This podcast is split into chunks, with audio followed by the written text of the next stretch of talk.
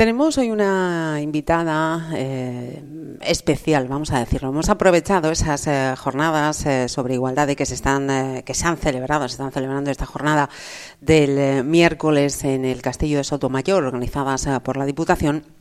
Y tenemos con nosotros a Rosa Cobó Bedía. Ella es titular de Sociología del Género de la Universidad de Coruña, teórica feminista, escritora y directora del Centro de Estudios de Género y Feministas de esta misma entidad eh, académica. En primer lugar, eh, Rosa, muchísimas gracias eh, por atendernos aquí en Pontevedra Viva Radio. Gracias a ti. Eh, si te parece, vamos a, comenzar por cuestiones relacionadas con, la prostitución, un tema que sobre el que has estudiado, has trabajado.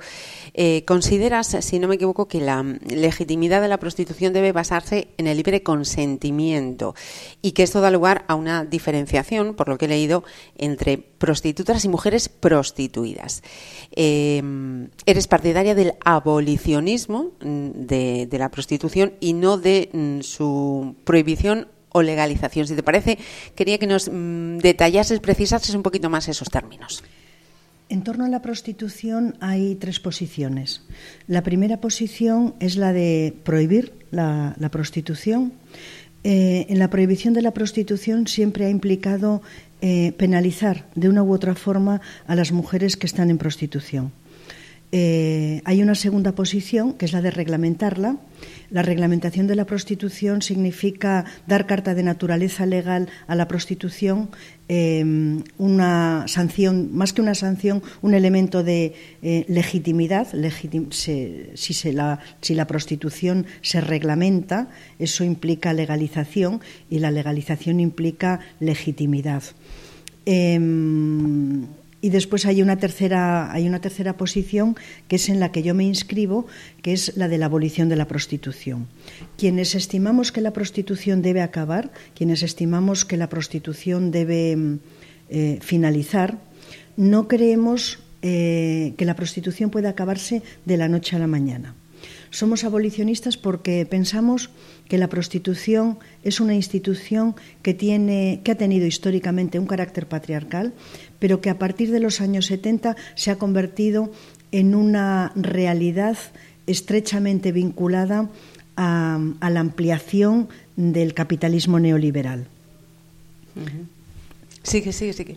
Mm, ¿Qué quiero decir con esto? Lo que quiero decir con esto es que la prostitución es una forma parte de una gran industria que se llama la industria del sexo, en el que no solamente está la prostitución en la calle, la prostitución en los pisos, en los hoteles, también está la pornografía, también están las eh, casas de masajes, em, también está em, el turismo sexual, es decir, la industria del sexo en términos de facturación es la tercera industria, a veces es incluso la segunda, después de, las armas y de las drogas a nivel global, entendiendo que tanto el comercio de las armas como de las drogas, eh, como de la prostitución y la trata de personas para la explotación sexual, se inscribirían dentro del campo de las economías ilícitas.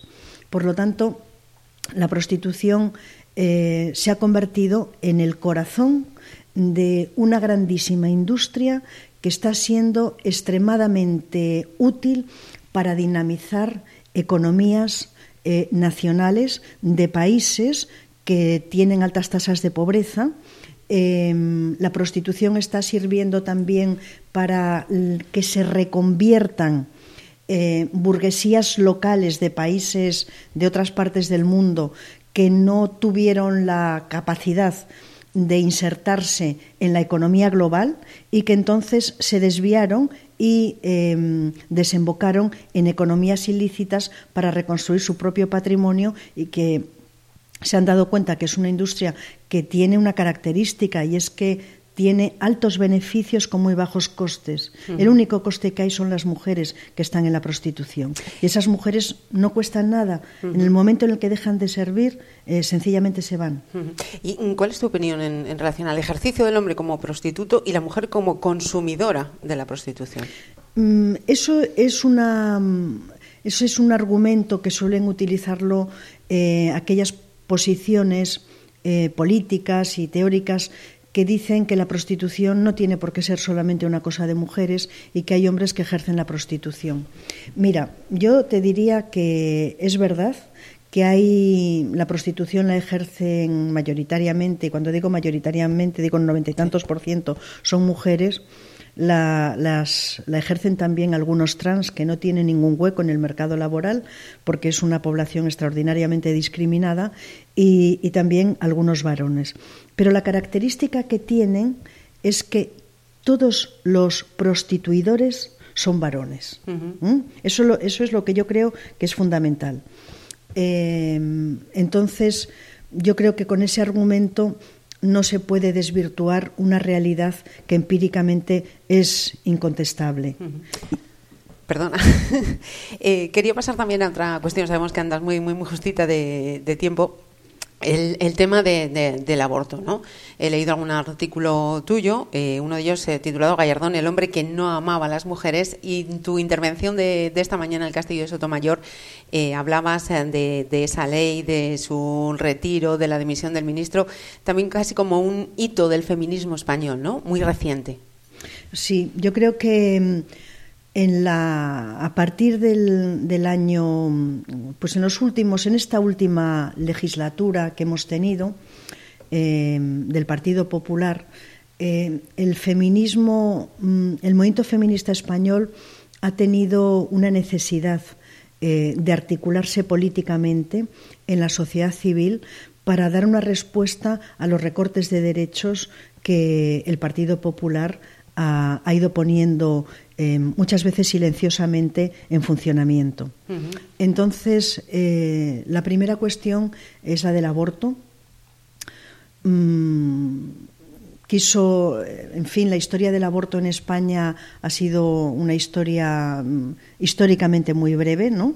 Primero hubo una ley que lo, la hizo un gobierno de un gobierno socialista, eh, siendo presidente Felipe González, en la que se establecían algunas condiciones para poder ejercer lo que estimamos que tiene que ser un derecho inalienable de las mujeres, que es el aborto. Después, eh, con Zapatero, en la segunda legislatura, eh, se decidió por presión de mujeres feministas de su propio partido, pero sobre todo por la presión de las, del movimiento feminista, se decidió cambiar la filosofía que estaba eh, que subyacía a la ley del aborto. El asunto no es que las mujeres podamos abortar en determinadas circunstancias, sino que como estimamos que es un derecho que tenemos, lo queremos ejercer en cualquier momento. Entonces solamente se establecían plazos.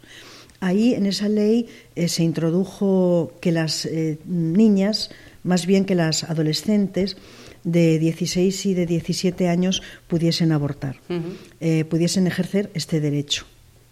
Y esto fue, yo creo que mmm, es un, son muy pocas las mujeres jóvenes que se ven en la necesidad de abortar, pero en todo caso yo creo que es un problema que es necesario atajarlo. Y es necesario atajarlo porque en muchos países del mundo la tasa de embarazos en mujeres adolescentes es enorme. Uh -huh. Y luego, en general, son vidas muy truncadas y no son maternidades que estén basadas en una decisión y en una elección libre, sino que son circunstancias de la vida de muchas chicas que no tienen eh, que no saben en muchos casos uh -huh. ni siquiera cuáles son las consecuencias que puede tener eso.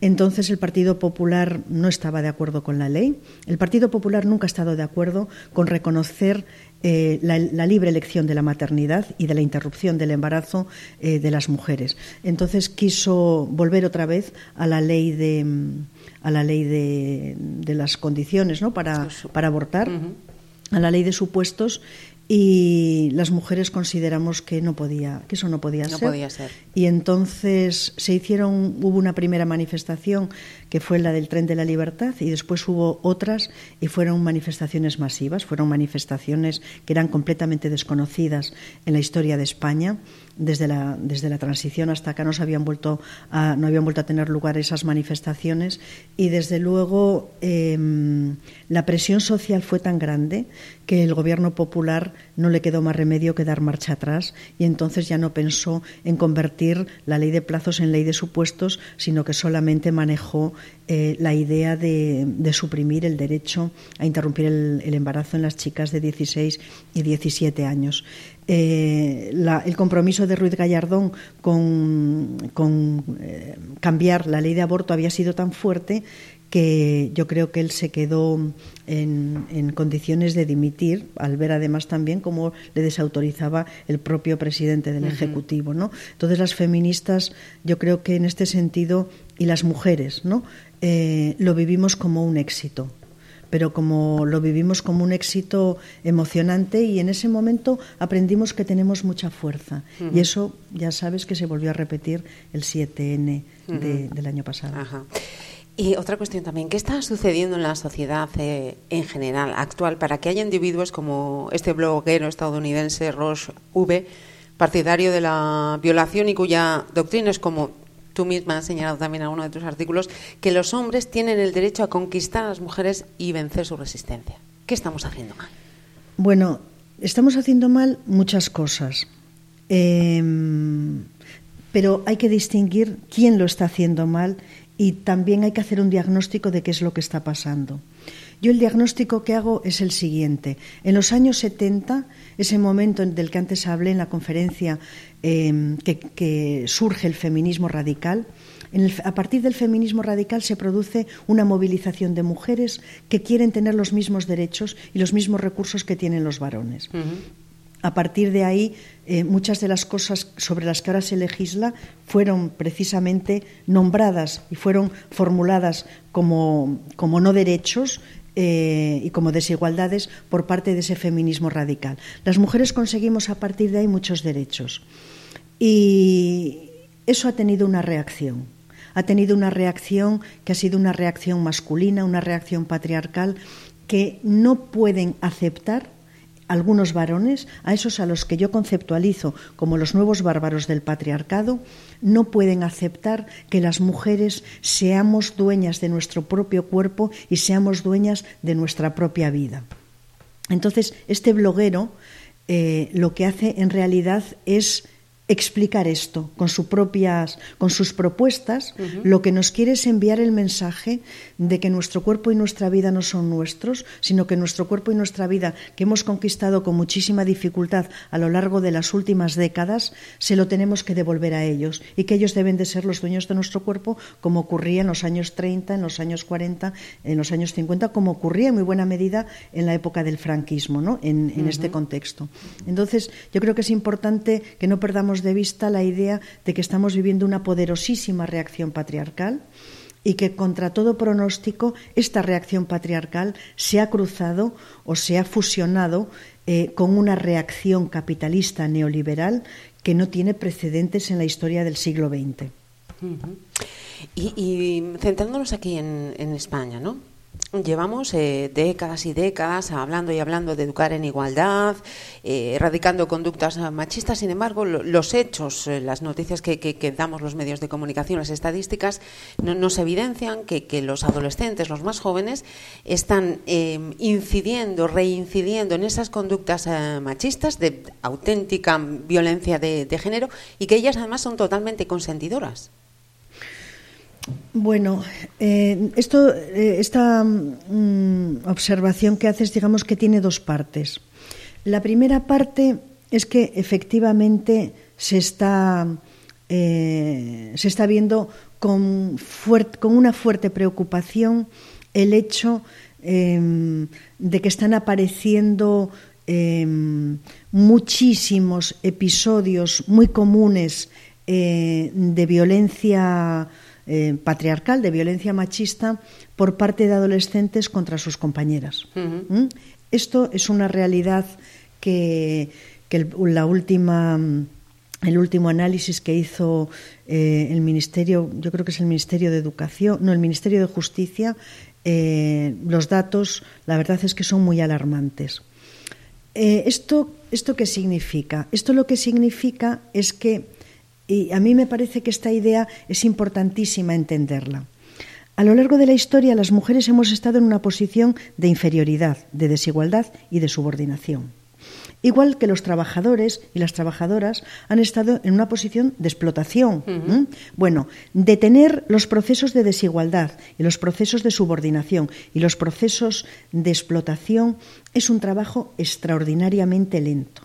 Pero en el mismo momento en el que cesan las estrategias para detener esos procesos, resurge con mucha fuerza esas instancias y esas prácticas de dominio y esas prácticas de desigualdad. Eso es lo que está ocurriendo ahora.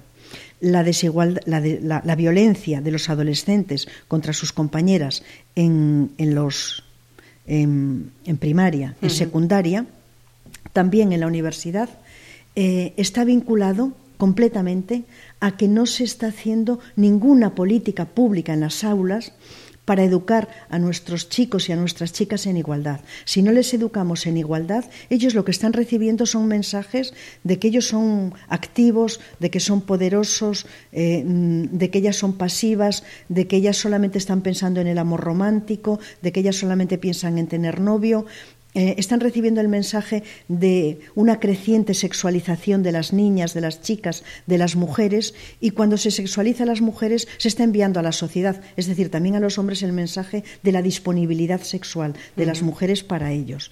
Entonces, claro, aquí la segunda parte es, ¿se puede hablar de consentimiento? ¿Consienten las chicas? Y yo la pregunta que me hago es, ¿consiente una chavala de 14 o 15 años en pasar a ser un objeto sexual o casi una propiedad. En todo caso, eh, acepta ella em, libremente estar subordinada a su, a su novio.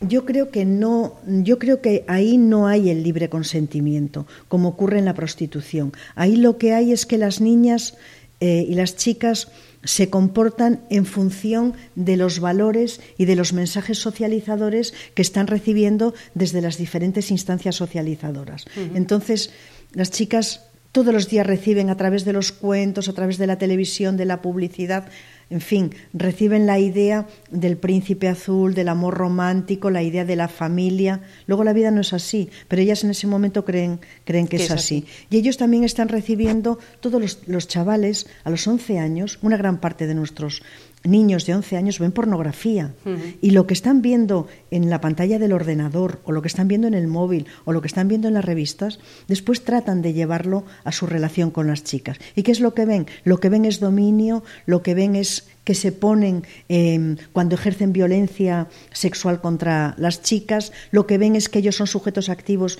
y ellas pasivos.